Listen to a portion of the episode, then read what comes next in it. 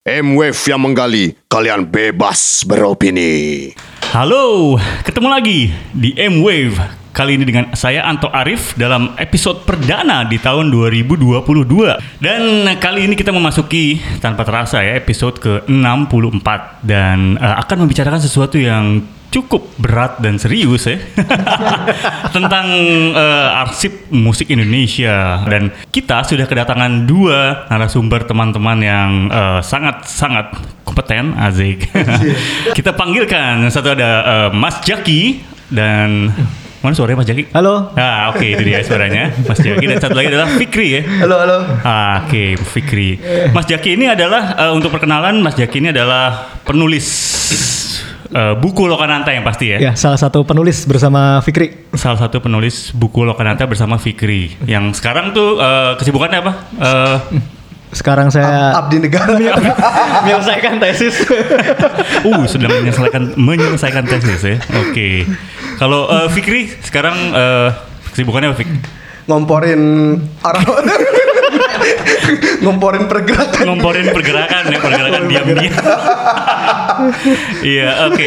Eh, jadi eh, eh, Pas Jaki ini menulis musik juga ya dan dan iya kan nulis musik Iya. untuk salah satu media. Coba satu-satunya. Oh cuma salah satunya. Sekarang cuma satu-satunya. Iya, tapi secara konsisten lah, ya, jadi oke lah. Fikri juga suka menulis musik ya, Menulis musik Ah, juga. dan juga di Instagramnya suka nulis-nulis tentang review-review review-review album gitu ya. Jadi boleh tuh kalau mau di follow Instagramnya Fikri Fikri Zul. Oke, gitu. Suka ngasih review-review single atau album gitu. Oke. Dan em, teman-teman, kita hari ini akan bicara soal Lokananta ya. Eh, yang sempat rame-rame kemarin di media sosial Twitter karena ingin tanda kutip diambil alih oleh RRI Radio Republik Indonesia ya dan sempat banyak uh, polemik yang timbul tapi ternyata terakhir-terakhir diralat oleh orang yang pertama kali nge-tweet dan iya ke- tapi sebelumnya sebelum ke sana sebenarnya pengen tahu dulu sebenarnya tuh jadi gimana uh, apa sih yang bisa diceritakan dari Lokananta tuh secara simpel apa sih mungkin teman-teman di sini banyak yang belum tahu atau kurang kayak jejak gitu. Apa Lokananta tuh apa sih? Apakah label to? Apakah uh, pabrik reka- uh, rekaman? Siapa yang bisa bercerita? Mas Jaki kayak lebih paham apa dia duluan soalnya. Oke. Ah. Mas Jaki itu duluan eh, Tapi, untuk ta- ta- terjun tapi ke secara secara senior penulisan kan lebih senior lu. Bu. senioritas. Senioritas gimana gimana Jak sikat Jak Oke. Eh, Lokananta itu statusnya kalau sekarang ya, Aha. itu unit usaha di bawah Perum Percetakan Negara Republik Indonesia. unit usaha unit oke. usaha dengan eh, kekhususan di bidang eh, yang seperti kita tahu itu rekaman. Mm-mm. Cuma kalau mau dirunut dari awalnya dari dari eh, Sejarah. sejarahnya itu memang eh, awalnya itu pabrik penggandaan piringan hitam pabrik pengadaan piringan, untuk piringan hitam oke untuk keperluan siarannya RRI Aha. yang kemudian berkembang jadi eh, label rekaman dan studio seperti Hmm. yang kita kenal sekarang. Mhm, mhm.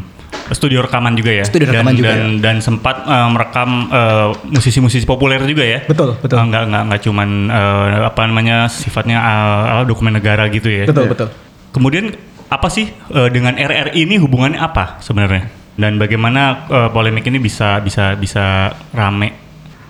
kalau polemik kemarin gue dari, kacamata gue nih ya gue ngelihatnya hanya eh, si orang ini memang udah cinta banget gitu ya sama Lokananta dan dia nggak mau kehilangan Lokananta dengan adanya inisiatif itu. Yang mana sebenarnya kalau ditelaah lagi inisiatif itu tuh yang dilakukan RRI sebenarnya ada potensi yang bagus gitu untuk untuk Lokananta menurut gue ya kalau kita kalau kita gali lebih lebih komprehensif gitu ya mungkin. Karena eh ternyata statusnya itu itu masih dalam penjajakan gitu bukan bukan bukan kayak diminta kemudian harus gitu bukan menjadi keharusan yang tiba-tiba besok eh, ini surat gua minta besok lu setor ke gua. Bukan yang kayak gitu sifatnya gitu. bukan ultimatum lah. Lebih kayak ya udah nih ada penjajakan ada ada potensi kerjasama. Yang mana menurut gua ya potensi kerjasama itu bagus buat Lokananta sebenarnya menurut gua ya secara secara bisnis. Karena Lokananta sendiri kan eh, apa ya kalau kita tahu ya, secara bersama unit bisnis yang dihasilkan kan hanya merchandise terus eh, apa namanya penggandaan Duplikasi. kaset dan CD sama penyewaan venue gitu yang kita tahu. Di mana kita bisa hitung secara secara gamblang gitu lah ya pendapatan lah katakanlah itu misalkan moncer gitu ya, nggak mungkin sampai target yang disebutkan sampai 5M gitu ya. Oke. Ya itu itu juga gua nggak tahu 5M itu beneran target yang di ditetapkan oleh PNRI atau bukan. Gue juga nggak tahu pasti. Tapi kalau kalau merujuk kepada informasi yang berseliweran itu ya ya mana mungkin gitu untuk mendapatkan 5M dari apa namanya eh, ceruk yang tadi gue sebutkan gitu. Secara logika itu. Nah, dengan adanya inisiatif RRI menurut gua eh, ada satu sinyalemen bagus dari yang mana RRI itu memang kan awalnya Lokananta dibentuk ya dari RRI juga Dirjen RRI saat itu R Maladi ngebentuk eh, Lokananta untuk eh, apa ya menggandakan menduplikasi Piringan hitam. piringan hitam ya. Eh, apa namanya materi-materi siarannya mereka saat itu gitu. Nah mungkin sekarang mereka datang eh, karena tahu eh, Lokananta punya banyak arsip eh, musik-musik Indonesia gitu ya, ingin coba dikelola mungkin. Nah cuma buat gue yang jadi pertanyaannya adalah sejauh mana RI mem- mempersiapkan mekanismenya? Seharusnya itu yang dibahas gitu. Ya mungkin nggak oh, si orang yang nge-tweet ini kebetulan gue juga kenal gitu dekat kita sering ngobrol tapi ya mungkin eh, apa ya karena kecintaannya dia terhadap institusi tersebut jadi impulsif dan ekspresif aja gitu me- me- me- apa namanya me- menanggapi surat tersebut gitu. Kalau gue sih ngeliatnya kayak gitu sih. Oke oke. Dan kalau umpamanya kita bicara soal eh, data-data yang ingin di, di, di apa di, di, di- diambil alih Oh. oleh RRI ya. Oh. Sebenarnya mungkin teman-teman belum banyak yang tahu di sini pendengar ada apa aja sih di situ? Apakah eh, lagu-lagu eh, apa aja sih lagu eh, 5.000 arsip-arsip ya? yang tersimpan di Lokananta itu yang berharga dianggap eh, aset berharganya? Ada 5000 5000 5000 kalau salah 5000-an. Dalam berbagai format ya. Aha, Ada 5000 lagu. 5000 koleksi. 5000 koleksi. Mhm. Iya. 5000 koleksi itu ada ada formatnya vinyl, ada masih di tape apa tape, tape reel itu, Aha, tape kaset, reel ya. eh, Aha, sama kaset. Sama kaset dan, Dan itu bukan lagu doang, bukan audio. Audio. Jadi, ya, Audio. ada ada siaran, ada eh, Ada teks- pidato Bung Karno juga. iya. pidato Bung Karno yang iya. kemerdekaan itu. Eh, ada di forum kenegaraan cuma saya lupa ini. Oh gitu, oh Iya. gitu. Cuma ada Oke. ada arsip-arsip itu juga. Oke, dan perbandingannya mungkin berapa apa, uh, antara isinya adalah uh, artefak populer atau dengan kene- Nah, itu dokumen kenegaraan itu? Kalau Katakan. masalah pendataan itu memang PR ya. Waktu saya apa 2010 ke sana kemudian 2005 2015 ke situ ke situ lagi ya memang itu pendataan arsip-arsip itu sama sekali belum nggak ada database yang yang cukup apa ya cukup proper lah untuk itu satu-satunya database ya itu penelitian apa eh, disertasinya disertasi malah ya Disertasi. disertasinya Yang buku. Philip Yampolsky itu Oke, ada buku yang di disertasi yang di- Disertasi. oh, Oh. bukan buku ya? disertasi setahu disertasi Ah, belum belum ada disertasi. versi buku Bukunya ya? populernya Mhm. dari Philip Yampolsky Aha, oke.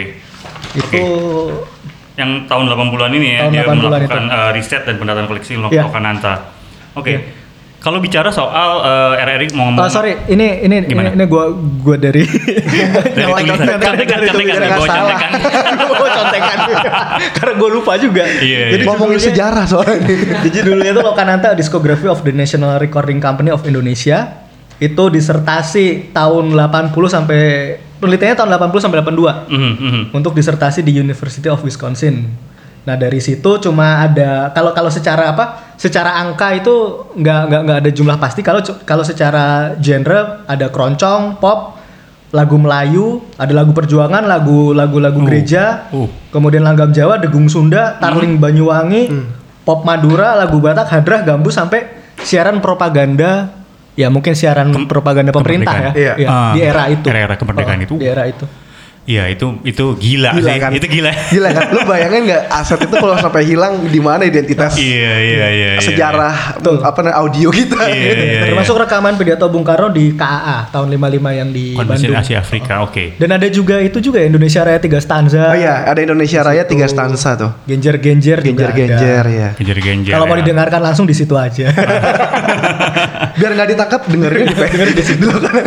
masih ya, masih. Masih ya? Masih- masih ditangkap ya Masih. sekarang? Oh, ini isu-isu itu masih nih. Marsman Oke. Sakom juga ada Oke. terakhir tuh di situ. Oke, terus eh, sebenarnya kan Lokananta dan RRI sebenarnya kan eh, dulu kan katanya kan Lokananta dibuat untuk em, apa sih mengarsipkan rekaman-rekaman RRI ya. Tapi Hmm. kenapa kalau memang dulunya Lokananta dibentuk eh, oleh RRI Solo untuk duplikasi materi siaran RRI, Hmm. kenapa sekarang mereka harus apa sih mengakuisisi gitu bukannya berarti itu punya mereka secara gimana sih secara logika gitu ya Secara logika, otomatis kan secara gitu, logika. ini Lokananta gue yang bikin iya nah, terus gue mau kan. mengelola asetnya kok gue harus minta izin dulu Iya, secara logika gitu secara kan. logika gitu itu Ini yang ngomong kita? Lokananta apa Dodi Sudrajat dan Vanessa Angel? Hampir mirip. Iya, iya. iya iya iya iya iya iya gue juga sempat punya kepikiran sama tuh Ah, kayak lo. ah. Ini dibuat sebenarnya kan lu yang buat. Iya. Terus kan RRI yang buat, tapi kan ketika gua mau gua mau coba untuk apa istilahnya kan mengelola ya, mengelola dengan eranya sekarang lah gitu ya. Tapi kok jadi jadi apa namanya konflik gitu, jadi jadi sesuatu yang di di apa namanya diperdebatkan gitu ya. Itu dia tadi balik lagi sebenarnya ya ini hal prematur yang di komentari sih kemarin itu ya di, di, di, di Twitter menurut gua ya.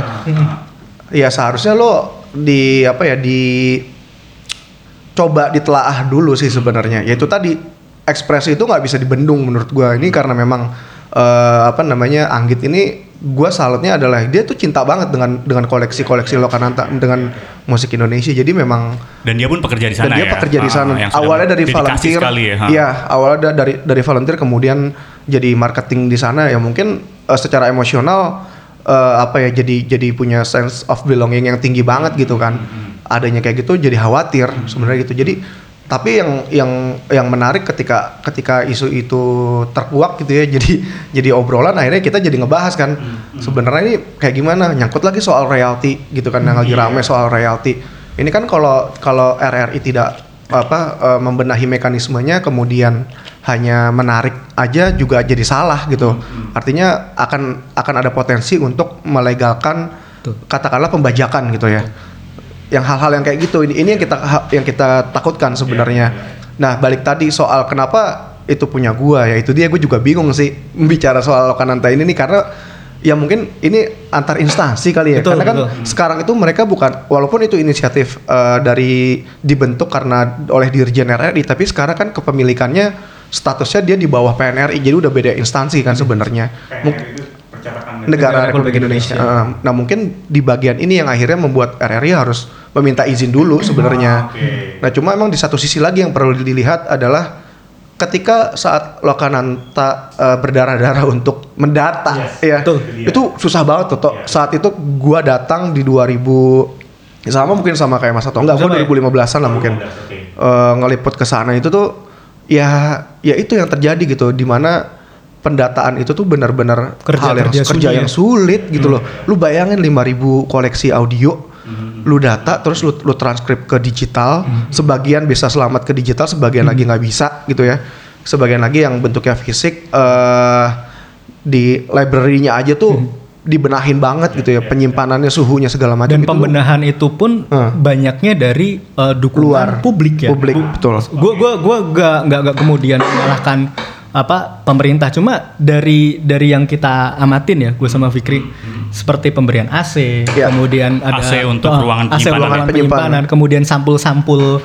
Ya, untuk di- yang di- yang masih telanjang itu tuh semua tuh dari dukungan publik gitu dari inisiatif publik bukan dari Oke. alat negara Ya, ya, ya, ya. Dan dan di, di situ mungkin kita kayak bertanya-tanya ya. Mungkin berarti keterlibatan RRI di sini nggak terlalu banyak ya atau malah nihil dalam nah dalam Di saat- perjalanan ini yang kita nggak tahu ya. gue ini nggak dia, tahu ya Ini dia yang kita Mungkin nggak tahu ya. di balik itu ada peran RRI tapi kita nggak tahu Kita gue juga nggak tahu gue nggak Ah. bisa ngomong apa apa tapi yang jelas dengan inisiatif itu yang gue harapkan adalah at least lu siapkan dulu mekanisme yang jelas, Yang jelas, ya. gitu loh Oke. mekanisme terutama soal royalti karena di situ banyak banget da- apa lagu-lagu yang mungkin eh, ahli warisnya masih hidup gitu ya Iya, yang iya, mungkin iya. ahli warisnya masih punya hak untuk mendapatkan bagian dari Iya. Komersialisasi yang ingin dilakukan oleh RRI gitu Iya, kan. iya.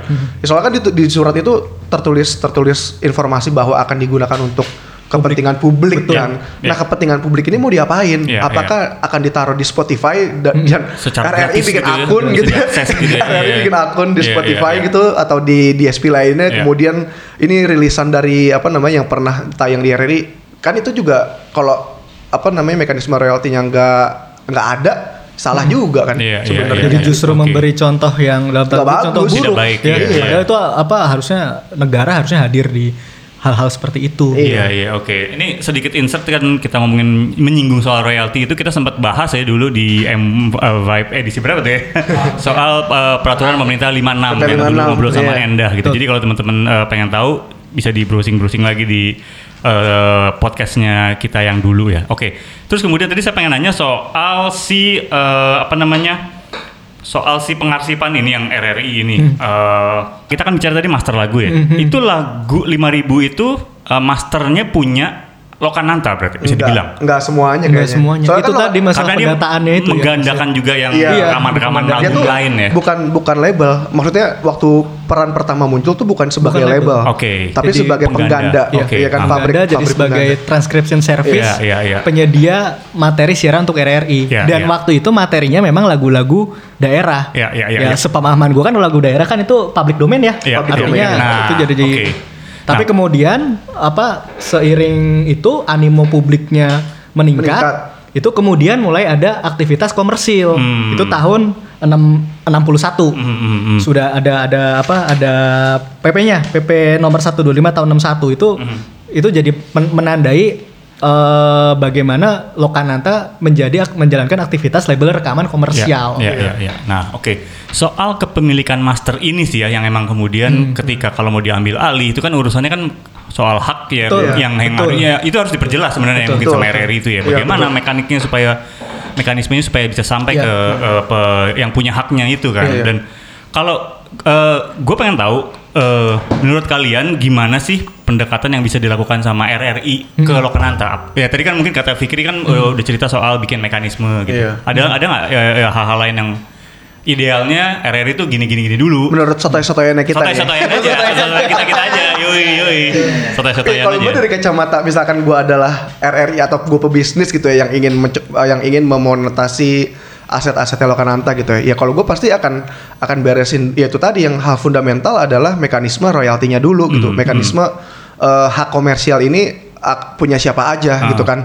Kan sebenarnya Lokananta tuh udah kerjasama juga sama JK Records kalau nggak salah. JK Records. JK Records, JK Records tuh eh, beberapa rilis apa beberapa arsipnya Lokananta yang eh, hak ciptanya jelas gitu ya. Itu Bisa tuh didigitalisasi oleh si JK Records kemudian dikomersialisasikan. Hmm, hmm. Entah entah jadi aset di digital atau apa namanya di Spotify dan ESP lainnya gitu ya. Aha. Atau mungkin di digandakan jadi bentuk-bentuk fisik gitu ya, CD dan kaset mungkin. Itu se- setahu gua berjalan tuh dengan JK Records. Waljina kalau nggak salah Salah satu Iya kan? Salah satunya. Waljina kan? Oh. Waljina sama- salah satu yang dirilis sama Lokananta ya. Iya, Iya. dirilis dirilis digan, cuma digandain ya. Dia Digandain. dia nggak rekaman di situ tapi dia digandakan di situ Oke, kemudian digandakan. eh, sama JK Records ini dikomersial di apa namanya diteruskan lah dikomersialisasikan lagi gitu kan. Nah, itu berjalan gitu karena jelas sama si JK Records mungkin bis RRI bisa mencontoh caranya JK Records gimana deal-deal untuk bisnisnya dengan Lokananta Mhm, gitu. Itu mhm, yang paling jelas ya karena itu udah berjalan dengan JK Records gitu. Mungkin bisa dicontoh itu sih idealnya. Ya menurut gue idealnya ya benahin dulu eh, mekanisme royaltinya. Mhm. Jangan sampai udah diambil kemudian jadi problematika baru lagi Iya, gitu loh jadi tidak ramai atau gimana gitu ya. Iya, iya, iya. belum lagi kan kita eh, urusan royalti ini yang lagi rame-rame juga belum Kita jelas rame, kan ah, gitu loh Kita lagi bicarakan. Kalau dari Mas Jaki gimana Jak? Eh, dari lu menurut lu apa yang kira-kira idealnya? Lagi baca Biar contekan dulu. belum dapat ya, belum dapat. udah dapat, udah dapat. Gimana Jak? Gimana Jak kalau kata lo Jak? Eh, terkait tadi Idealnya. ya, apa eh, Penawaran dari RRI. Jadi di, di di buku yang kami tulis itu ada ada salah satu apa eh, wawancara dengan Pak Chandra Darusman. Mhm. Jadi terkait itu juga sudah se- sempat kami tanyakan juga gitu untuk terkait karena eh, itu tadi masalah masalah hak cipta itu kan ada ada hak yang harus dipenuhin kan. Nggak betul. bisa nggak bisa sembarangan atas nama sorry kalau kita bilang eh, apa atas nama ya NKRI harga mati atau apalah tuh tiba-tiba ngelabrak itu semua gitu. Mhm. Yang disarankan Pak Chandra itu begini, jadi Lokananta itu nanti bikin semacam pengumuman publik. Para ahli waris itu silahkan untuk apa datang ke Lokananta dan menyelesaikan apa eh, segala segala mekanisme itu Administrasi dan- administrasi itu. ah, ah. Baru kemudian nanti bisa di ini ke publik. Jadi ya sama-sama apa sama-sama dapat dapat apa kompensasi yang menguntungkan. Iya, iya, gitu. iya, iya. Win-win lah ya. Betul, Win-win solution. betul. Oke. dan kalau nggak salah si Lokananta tuh sempat melakukan inisiatif itu Hmm. ditaruh di koran dibikin pengumuman. Tahun berapa itu kira-kira? Ya sekitaran tahun 2000-an itu. Oh, gitu. Sekitaran tahun 2000 itu pas eh, mau memulai apa namanya transformasi pengarsipan digital itu. Nah, itu tuh kalau nggak salah dibuat beberapa kali pengumuman di koran gitu bahwa siapa saja yang masih bersangkut lah Oh. tentang tentang eh, lagu-lagu yang ada di Lokananta silakan ngubungin ke Lokananta gitu kan. Kan yang jadi PR juga kan karena ya hak cipta sendiri kan baru tahun sekitar 8 80-an. 82 ya. Nah. Baru ba- baru ada undang-undang hak cipta Oke. terutama setelah yang live kaset live aid itu ya. Bob Geldof, Bob eh, Geldof Bob marah-marah. Geldof itu ya. Nah, sebelumnya kan di Bikin lokal malu nih Indonesia nih. Iya. di mata dunia. Satu- Gila. ya. Terus terus. sebelumnya ya semua kontraknya kontrak putus gitu. Iya, iya. Waljina juga sama Iya, apa iya. ketika dia rekaman di situ cuma justru apa eh, kontraknya bisa dibilang yang sama Lokananto kontrak putus semua. Oke. Dan itu PR-nya juga dokumentasinya bisa ada. dikatakan nggak ada. Jadi mau mau apa kalaupun mau coba melakukan apa perunutan dokumen itu dengan data yang ada sekarang mungkin agak susah ya. Mungkin benar tadi harus harus ada pengumuman publik lagi supaya eh, pencipta sama ahli warisnya untuk bisa Ketemu sama-sama ya. menyelesaikan Ah, itu mm, gitu. mm, mm. Kalau yang ada pengumuman dari di koran itu, kemudian yang lo tahu Fik, beresnya gimana akhirnya? Apakah Ada katanya ada ada dari situ ada beberapa yang akhirnya anak-anak cucunya gitu pada datang kemudian kasih keterangan kalau ini adalah ahli warisnya. Oh gitu. Kalau ya. nggak salah sih Terdata ada ya. ada yang Ah. terdata, tapi sebagian besar nggak ada nggak bertuan. Maksudnya nggak jelas siapa sekarang siapa ini eh, pemiliknya. Mhm, mhm. Kebanyakan itu itu yang yang masih jadi PR gitu. Makanya, Makanya dulu waktu kita bikin digital library itu Ah. kita cuma ngasih uh, Preview. preview. Iya. Preview juga low res itu. ya Karena itu tadi kita nggak mau apa nggak mau tersandung masalah legal kita, lah. iya. Hmm. Jadi kita di Lokananta Project sel- selain bikin buku kita bikin website juga toh. Oh, Si oke. website ini tuh eh, Masih aktif sampai sekarang? Sayangnya tidak. Satu. ya lu tau lah pergerakan-pergerakan dari gitu ya. kita kita ini Iya, kalau nggak iya, ada iya. setelah orangnya keluar udah nggak ada Udah, jalan ya. lagi. Oke, ini tadi lo sempat mention soal uh, Lokananta Project dan bukunya ya. Iya. Eh, pengen tahu, eh, jadi buat teman-teman yang nggak tahu ini kita, gue lagi megang buku Lokananta yang dirilis tahun 2016. 2016. Buku ini adalah berisi tentang sejarah dan Lebih ke perkembangan Lokananta Perkembangan dalam Lokananta lima sih. tahun terakhir. Lima tahun terakhir Momen, dari uh-uh. 2010, sampai 2010. 2015 ya. 2015. Iya. Dan dan buku ini adalah bagian dari eh, Lokananta Project. Lokananta Project. Bersama bisa- bersama bisa tadi nggak? apa eh, Soal digital Lokananta. library tadi. Ah, soal Lokananta Project ini gimana sih ceritanya? Silakan Mas Jaki. Iya. gue diajak Mas Jaki soalnya Gue waktu tuh itu. cuma diajak. gua cuma Eh bikin ya, ayo bikin. ya udah. Gimana Jack? Gimana Jack?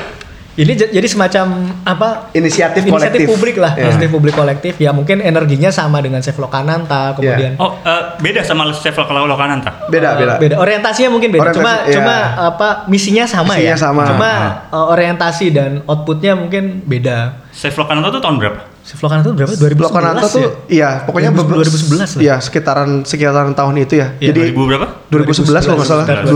2010 2011 ya. Aha. Sekitar Sekitaran itu. tahun itu. Jadi, Jadi, ya kalau iya. kami sih mau mau bikin satu apa ya? Satu literatur, Literatur. yang sifatnya bisa diakses publik. Iya, iya, iya. Ya itu bentuknya eh, buku dan eh, perpustakaan digital arsip musik Lokananta. Hmm. Jadi sifatnya supaya publik itu eh, bisa mengakses arsip Lokananta dengan mudah Iya, iya, iya. dan arsip-arsip itu juga bisa digunakan untuk kepentingan entah itu kepentingan akademis atau Hmm. juga kerja-kerja Iya.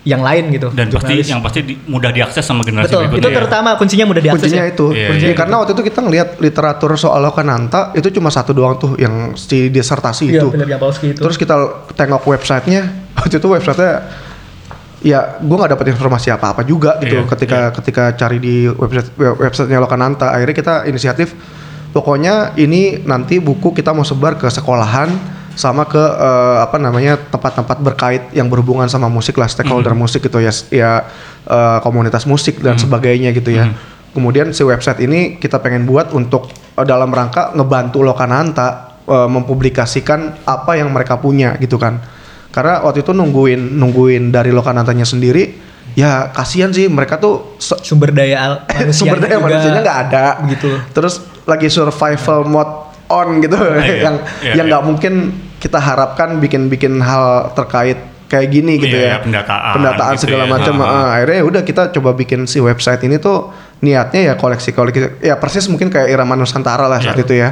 Eh, apa database eh, koleksi kita kasih previewnya aja yang itu pun yang low res habis itu kita konekin ke lu, lu, lu mau dengerin atau ini kasetnya statusnya eh, lagu ini statusnya bisa dijual lu bisa dapetin CD atau kasetnya ada di Lokananta atau ini tuh hanya nggak nggak ada sama sekali gitu.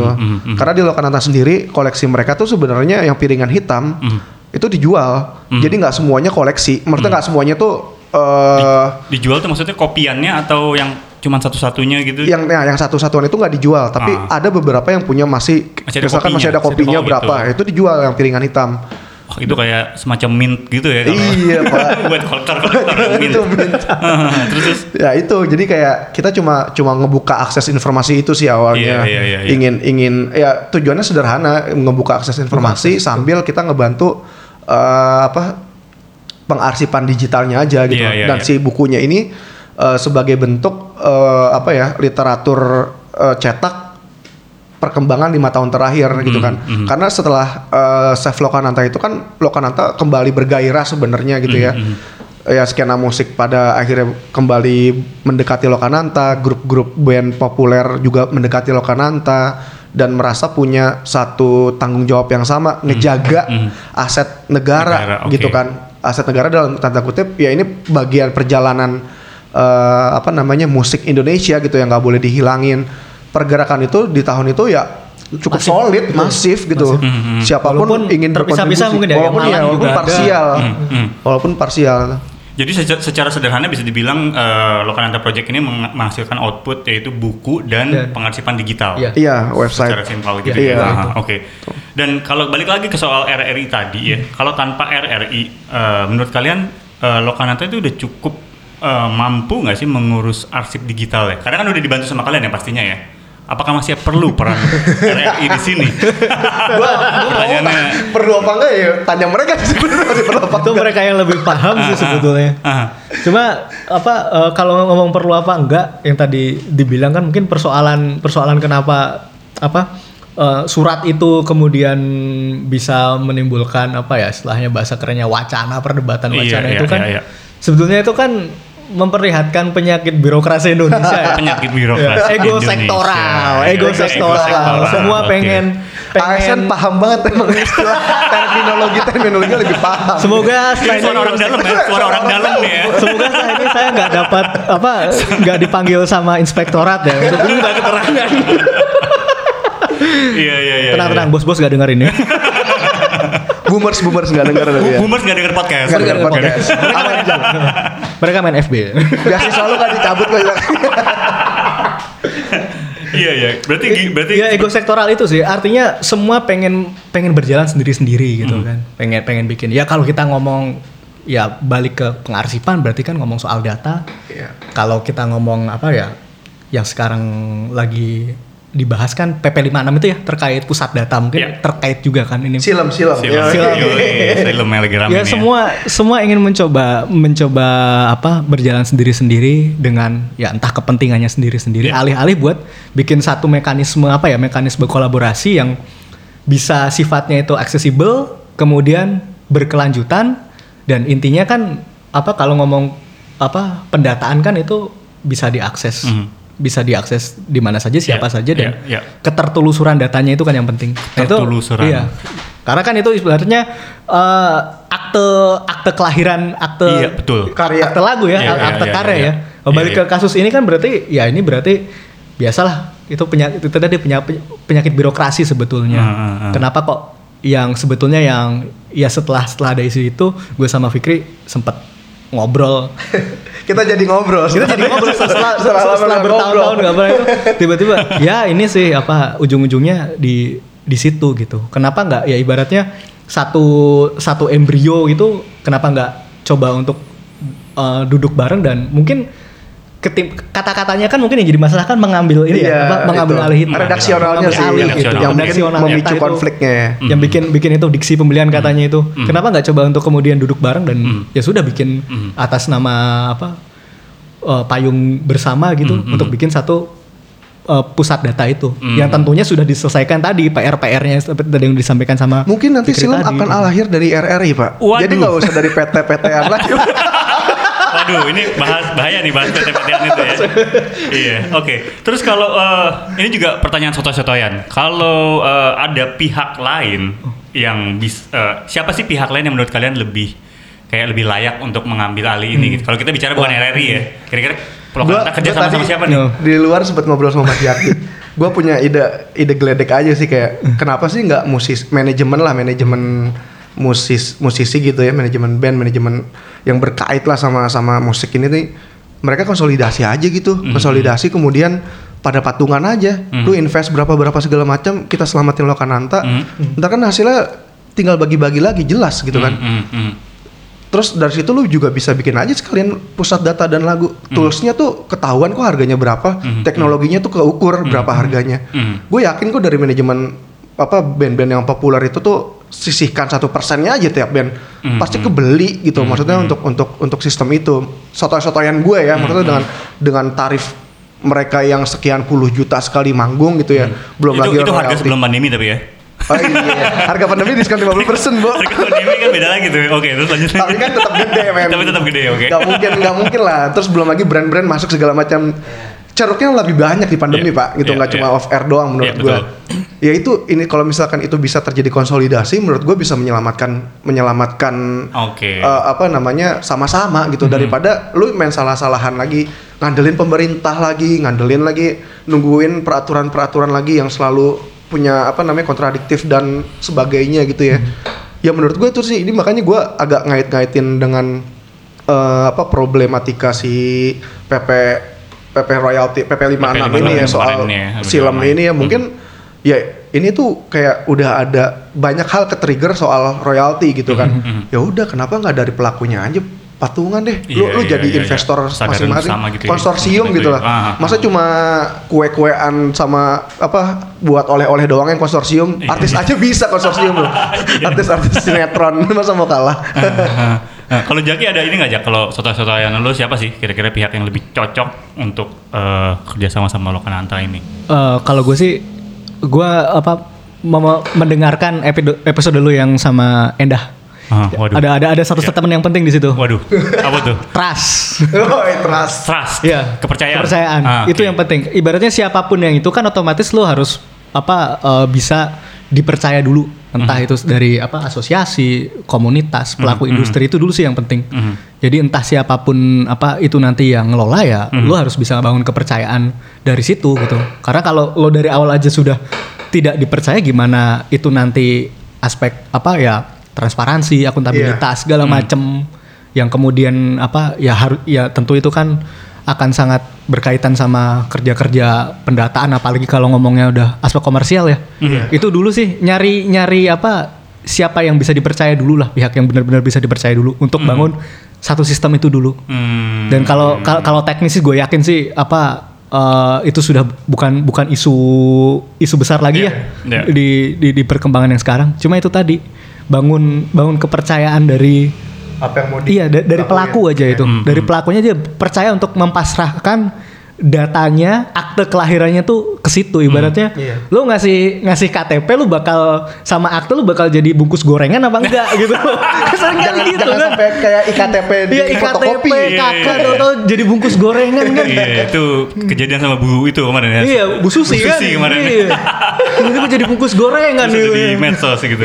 Jangan sampai itu katakanlah apa analogi yang sama mungkin terjadi sama eh, lagu gitu. Iya, iya, iya, yang sedang iya. diperjuangkan di teman-teman. Iya, dan dan lebih tadi. fundamentalnya lagi menurut gua adalah yang dikerjakan ini adalah buat masa depan gitu Hmm, toh. bener. Jadi ketika kalau ini ini tuh harusnya fase di mana semua mengerahkan kontribusinya ya Hmm. ke, ke ke persoalan ini gitu. Ketika persoalan ini eh, apa kita kan ibaratnya lagi bikin fondasi gitu ya, lagi bikin fondasi. Kalau fondasinya sampai bolong-bolong kan bisa ambruk di masa mendatang gitu kan. Terus rumah udah bagus segala macam tiba-tiba ambruk karena fondasinya ada yang bolong. Nah, menurut gua ini kita harus sadarin bersama siapa pun eh, pihaknya gitu ya yang punya eh, apa namanya berkaitan dengan musik, ya inilah saatnya lo berkontribusi lebih bahkan gitu ya untuk persoalan ini di, di- diselesain bareng gitu. Karena kalau ini sampai lewat kemudian akhirnya dibiarin ya udahlah lu mau mengha- mengharapkan apa gitu. Karena ke depan itu kan sistem bisnisnya tuh udah monetasi semua gitu kan digital semua. Kalau di di akarnya aja nggak dibenahin ya udah. Yang gue bayangin sih ya ya akan terus-terusan acak-acakan aja sih Iya, menurut iya, gue. iya, iya, Oke. Tapi yang jadi persoalan kan kerja-kerja kayak gini kan sifatnya tidak langsung kelihatan secara Iya, tangible sekarang. ya. Iya iya iya iya iya iya. Baru kelihatan mungkin ya mungkin kayak Lokananta ini ya. 2010 2015 mereka mungkin melakukan transfer dari vinyl Iya, dari digital kaset ke ya. digital itu Ah. mungkin semangatnya semangat supaya arsip tadi nggak rusak gitu. Iya. Semangat untuk alih data supaya ya preservasi. Iya preservasi benar. Tapi waktu itu mungkin ya uh, streaming mungkin belum belum begitu rame. populer ya. Iya, Kemudian iya, iya. belum ada pemikiran untuk monetize karya-karya itu. Iya, iya, nah, iya. sekarang ketika kelihatan Iya. mungkin tadi itu tadi ada penyakit birokrasi Indonesia melihat itu sebagai peluang Jadi pengen. Soalnya Pengen. otaknya proyek doang tuh. Nih dan pengen proyek ini gawat, dan pengen yang dinikmatin gawat sih. sendiri gitu. Iya sih. Kita tuh birokrat. Sorry ya maaf ya, gue bukan menyinggung siapa pun, tapi ini keresahan hati pribadi gitu Pribadi ya. ya. Suara personal ini. Suara ya, personal. Oke. jangan Oke. di show jangan di takut gitu. Sekarang kalau salah ngomong takut.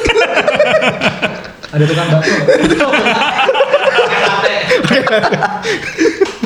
Oke, ini kan kita bicara soal pengarsipan dan masa depan ya, yang mana berhubungan sama operasional eh, Lokananta sebenarnya.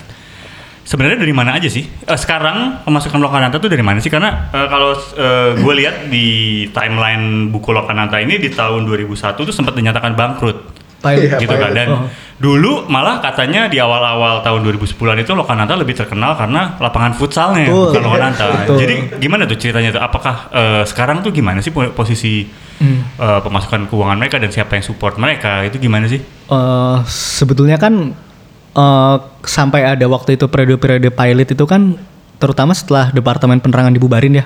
Departemen Penerangan. Oh, oke. zaman ya apa eh, Gus Dur naik Ini transisi dari Orde Iya, Baru transisi ke dari Orde Baru ke, eh, ke, ke, revol- ke revol- reformasi, ya. Salah satunya kan Departemen Penerangan yang menaungi Lokananta itu kan dibubarkan kan. Mhm.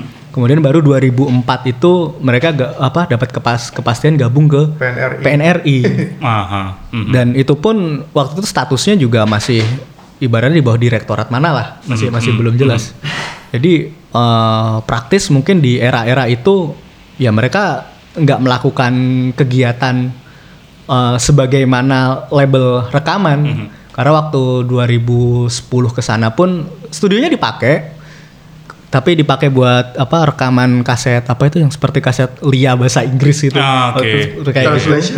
Kemudian lapangan futsal juga. Ha. Karena memang juga ya periode-periode itu mungkin masih ada masih masih ada istilahnya luka-luka luka-luka likuidasi itu. Hmm. Kemudian setelah 2010 itu mulai ada dukungan publik. 2010 ya, mulai ada publik. Makanya kita tadi ngambil ngambil timelinenya di situ. Mulai ada aktivitas-aktivitas lain Hmm, yang menghidupkan yang kembali menghidupkan Iya, yang menghidupkan. venue venue apa venue studio dan juga ya di, di situ hampir semua ya Iya. apa termasuk lapangan juga Hmm, kemudian juga ada penggandaan kaset Hmm. CD. CD penggandaan kaset itu bisa bisa bisa custom malah bisa hmm. bisa porsi kecil merchandise cuma setahu juga kayaknya mereka masih ngerjain kerja-kerja percetakan Bu. Percetakan iya. kayak bikin apa eh, Booklet, flyer gitu. flyer apa istilahnya apa sih surat surat negara lembaran negara atau apalah Oh, gitu iya. buat buat dokumen-dokumen negara gitu Oh gitu. Mereka masih bikin itu. Iya, karena kan di bawah percetakan negara ininya. Ah, ah, ah. Oh, Jadi- karena di bawah Ya percetakan gue baru negara. ingat tuh. Iya, iya, bener Iya kan? benar. Ada- ada si, istilahnya- Iya waktu itu si ada orang dalamnya cerita.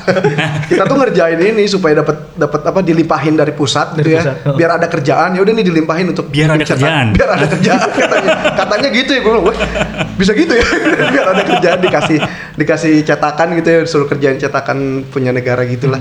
Bu apa Lembaran kayak flyer gitu-gitu ya. se- ya semacam dokumen-dokumen negara Dokumen gitu lah. negara, iya. Teknisnya Iya, gue iya, kurang. iya. Biar ada kerjaan ya. Oh, Ah. iya. ada kerjaan.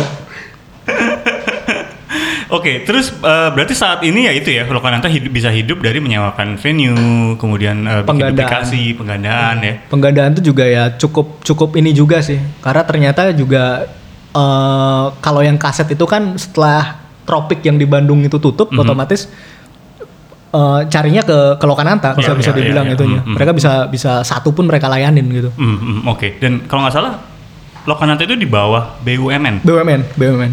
Oke, berarti Percetakan harusnya dia mendapatkan eh, subsidi atau Nah itu entah. itu yang yang nggak Suntikan dananya kurang terang gitu ya. Iya itu yang kita- Garuda. Ya. Tapi kalau bisa dilihat dari dilihat dari realitanya gitu ya dari dari cerita-cerita mereka ya mereka merasa terbebani dengan target dan nggak di Nah. nggak nggak disupport gitu Iya. kayak disuruh ya lu cari ini sendiri kan lu kan unit bisnis Iya, gitu kan iya.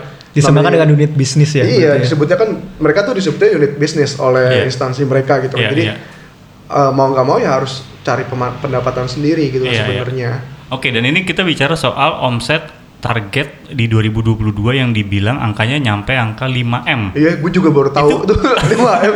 Ini Buset. gara-gara dari tweetnya itu ya, eh, waktu itu kita ya apa yang ramai di media Iya. sosial itu ya. Eh, dan itu gimana mungkin ya? eh, Iya, itu- gua juga target 5M dalam satu tahun. Dan dari itu dari bikin apa du- duplikasi kaset doang, Iya. sewain lapangan futsal. iya Aha. Ya makanya tadi gue bilang kayaknya agak mustahil ya kalau kalau cuma kalau cuma melakukan penggandaan aja Mhm. kita bisa hitung dengan dengan dengan apa namanya dengan gamblang lah gitu Mhm. kita kalkulasiin katakanlah misalkan seluruh satu solo gitu ya Mhm. eh, band solo produksi di sana gitu apakah iya gitu dengan Bisa biaya nyampe produksi gitu ya, nyampe tembus. gitu ya iya Iya, lima iya, iya. lima ember mungkin nih 5 ember ya. iya, iya. berarti berarti tapi sebenarnya uh, asal usul dari 5M ini dari mana juga sebenarnya tahu sih, belum tahu. terlalu jelas ya. Nggak, karena ada yang dari dari media sosial aja Iya, ya. Ah. Perlu dikonfirmasi itu. Perlu dikonfirmasi Iya. ulang ya. Semoga tidak tidak itu cuma desa susus ya. Karena karena wah gila berat banget sih. Gitu ya. Oke. Terus eh balik lagi sedikit ke Lokananta Project ini. Tadi eh, kenapa kenapa tidak apa kabar sekarang pro- project Lokananta ini? Eh Fikri jualan duren. gue jualan durian, hari jualan jamu iya. Syaura jualan kaset jualan kaset ya seperti itulah nasib project kami. Iya, sudah lulus. iya gitu ya. Apakah perlu ada eh, Lokananta Project Part 2 gitu mungkin ya atau 4.0? ya tergantung urgensinya sih toh Aha. kita ngelihat eh, kalau misalkan ngelihat situasi yang kayak gini kayaknya yang lebih penting sebenarnya bukan Lokananta Project ya tapi lebih kepada eh, ngebenahin bersamanya sih. Karena ini tuh menurut gua momentumnya lagi pas banget nih. Hmm. satu soal PP 56 satu PP lagi soal kalau yang si Lokananta lagi soal sama RRI ini kan. Ah, ah. ini menurut gua dua momentum yang yang berkelindan lah isunya gitu ya. harusnya kalau emang kita merasa Lokananta adalah part of uh, perjalanan musik Indonesia gitu ya ya harusnya orang-orang yang bekerja di bidang musik punya kesadaran sendiri untuk berkontribusi sih gitu jadi entah entah mau bikin apa pun ya entah mau berkonsorsium entah mau bikin project masing-masing ya harusnya dilakukan gitu karena di Lokananta tuh udah dibikin satu studio yang kualitasnya Oh iya, itu iya itu ya. kualitasnya mhm. eh, secara Mumpuni tata ya? eh, mumpuni banget Ah, secara ah. tata apa namanya eh, akustiknya Akustik. gitu ya itu mumpuni banget kemudian dia punya satu saat itu eh, mixer Midas deh kalau nggak salah itu mixer kedua yang dipakai satunya lagi di BBC Di Inggris BBC ya? London Ah, ya London itu yang dipakai buat live musiknya mereka juga gitu kan Dan ada di Lokananta dan ya. ada di Lokananta gitu. ya. Saat Ah. itu mungkin eh, pejabat di masanya itu emang jor-joran sih kayaknya gue lihat gitu. Itu terbukti dari beli alatnya, kemudian dari mesin pengganda eh, piringan hitamnya aja. Itu tuh ya Indonesia saat itu lu bayangin punya gitu loh. Mhm, mhm. Yang, Yang punya terbaik di yang terbaik zamannya. di zamannya gitu. Mhm, mhm. Dan sekarang hilang.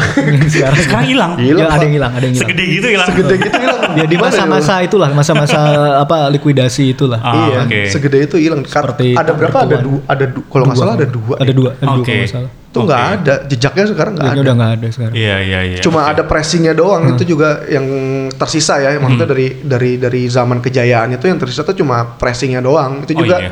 Nggak tahu berfungsi apa nggak sih Iya. pressing. Kalau nggak salah itu nggak udah nggak bisa dipakai untuk produksi piringan hitam lagi ya karena Kayaknya sih enggak sempet ya. rame kan ya kemarin ah, nyari-nyari gitu kayak kita masa plannya cari keluar negeri terus gitu iya. kan Nah, di, di- nggak udah nggak aktif ya di tuh aktif. ya Mungkin kalau itu masih ada bisa jadi satu Betul. ini kali ya, apa namanya?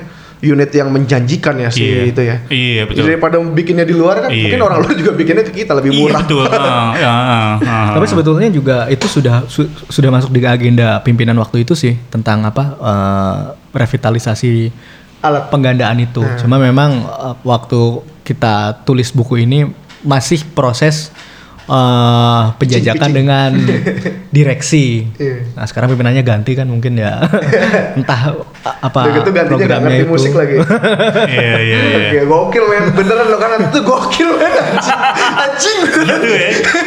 Iya iya iya. Oke, terus balik lagi ke kita ngomongin Lokananta sekarang. Hmm. Uh, plus beberapa saat dulu itu kan ada musisi-musisi indie ya, kayak bahkan Glenn Fredly sempat bikin album DVD Iya, live iya, iya, di situ iya. ya Glenn Fredly uh, dan Baku Cakar live from Lokananta. Terus juga ada Pandai Besi, sempat bikin yang apa uh, konsernya konser Daur Baur. Daur Daur Baur, Baur, Daur yang uh, rilis album khusus Iya. juga White Shoes and Couples. Company ya. Iya. Uh, senyawa terus The Hydrant Senyawa. The Hydrant, Oh, The Hydrant juga, The Hydrant oke. rekaman di situ. Oke oke dan itu seberapa efisien sih uh, ketika musisi-musisi zaman sekarang Hmm. bikin aktif aktivasi di sana gitu. seharusnya itu ya dulu waktu gue inget banget saat gue lagi liputan pertama kali ke sana 2015 alat-alatnya The Hydrant tuh baru nyampe dari kargo Hmm. 2015 ya. 2015 Ah, oke. dari kargo baru nyampe katanya minggu depan mau rekaman di situ ya gue cuma terbersit kayak wah ini gokil juga sih kalau misalkan ini jadi tren jadi tren lagi gitu ya di mana band-band harus bisa lu bis lu apa ya ibaratnya perjalanan lu lebih lengkap kalau lu udah punya album yang rekaman di Oke. Lokananta Iya, iya, iya. itu tuh gue mikir saat itu wah gokil sih. Ini tuh harus kayak gini harus dijadiin apa namanya eh pijakan kayak Abbey, Abbey Road gitulah. orang-orang Oke. kalau nggak kayak Abbey Road nggak lengkap gitu istilahnya gitu kan. Saat itu ada semangat dan potensi itu tuh Hmm. 2015 gue ingat banget. karena semua alat-alat recordingnya tuh dibenerin. Hmm. direvitalisasi sama direktur saat itu sih Mas Miftah. Sampai emang dipanggil engineer khusus di Solo gitu ya yang nger- le- ngerti lah soal apa namanya eh, teknis si mixer tersebut.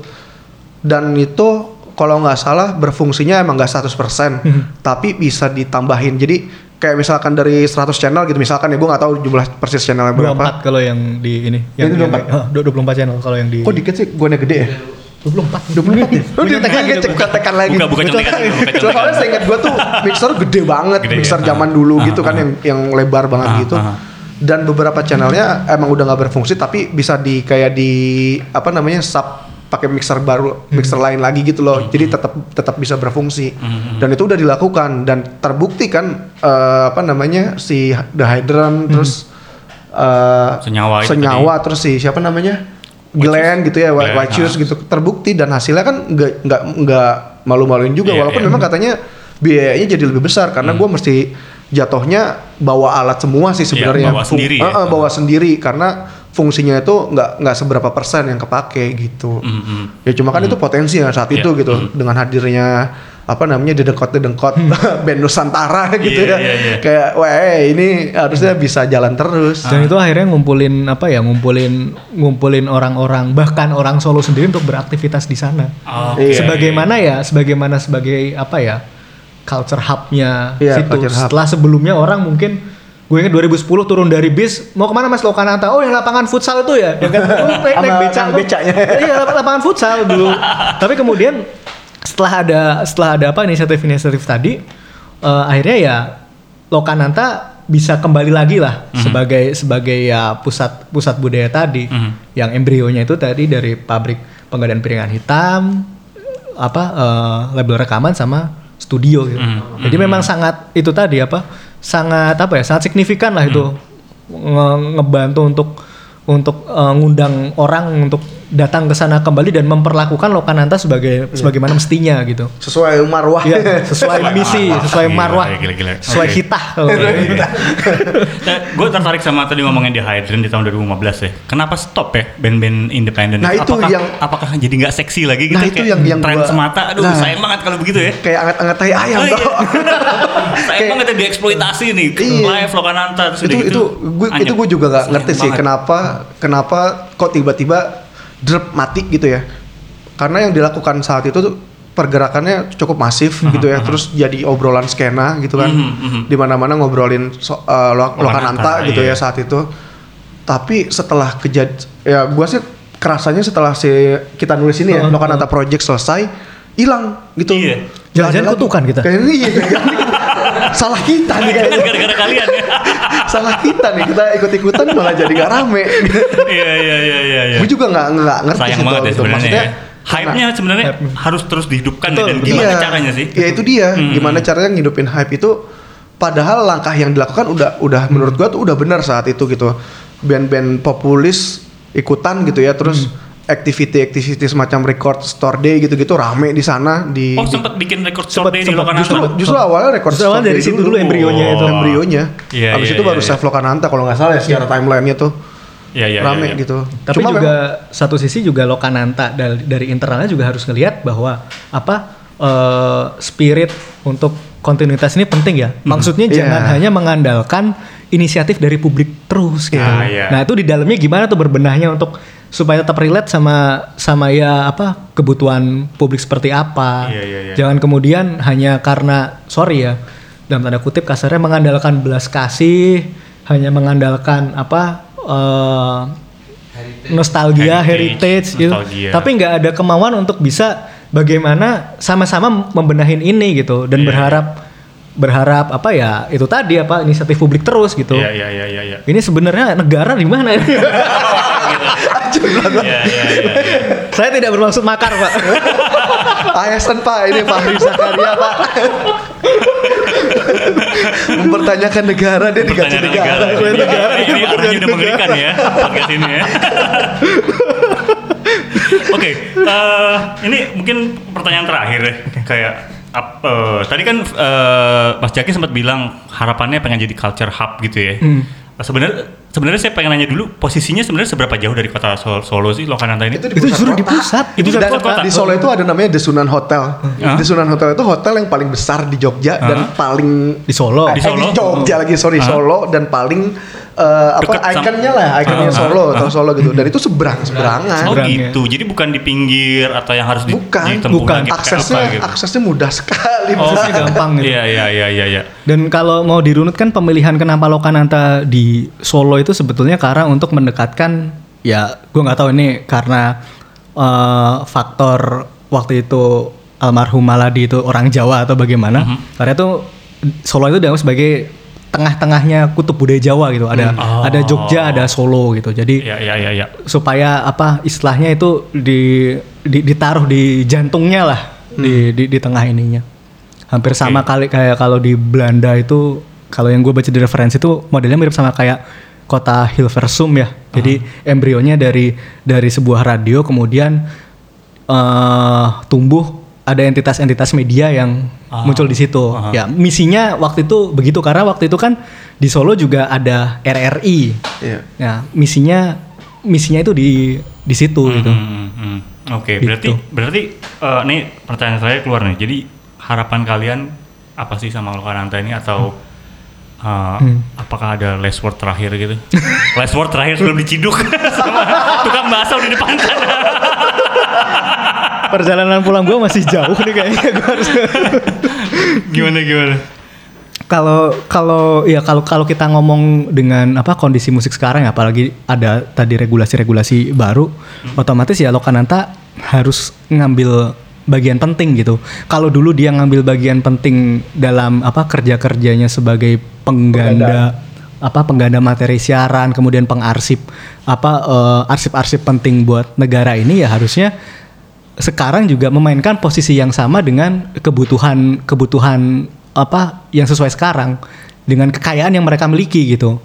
Infrastruktur tadi studio, kemudian apa mesin-mesin penggandaan mungkin kalau itu memang dianggap masih masih relevan, sama kekayaan data tadi bisa dioptimalkan apa oleh publik dengan baik. Ya tentunya semua apa semua terkait aspek hak cipta aspek hukumnya itu harus sudah selesai terlebih dahulu. Kalau gue gitu sih. Hmm, hmm. Iya iya iya. Kalau dari lo Frik gimana Frik? Aduh, gua punya harapan apa? Harapannya ya jangan ciduk gua aja sih.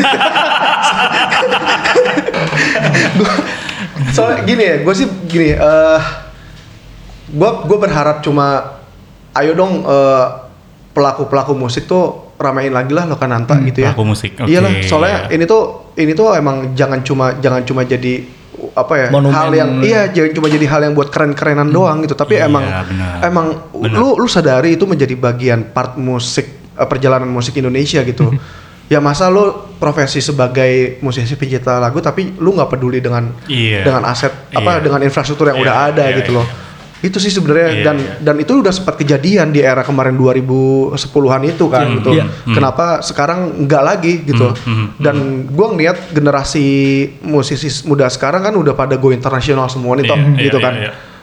Ya, gua gue percayalah kalau sedikit aja eh, exposure yang didapat Lokananta itu tuh bisa kayak mengembalikan lagi apa ya? eh, Marwah. Marwah.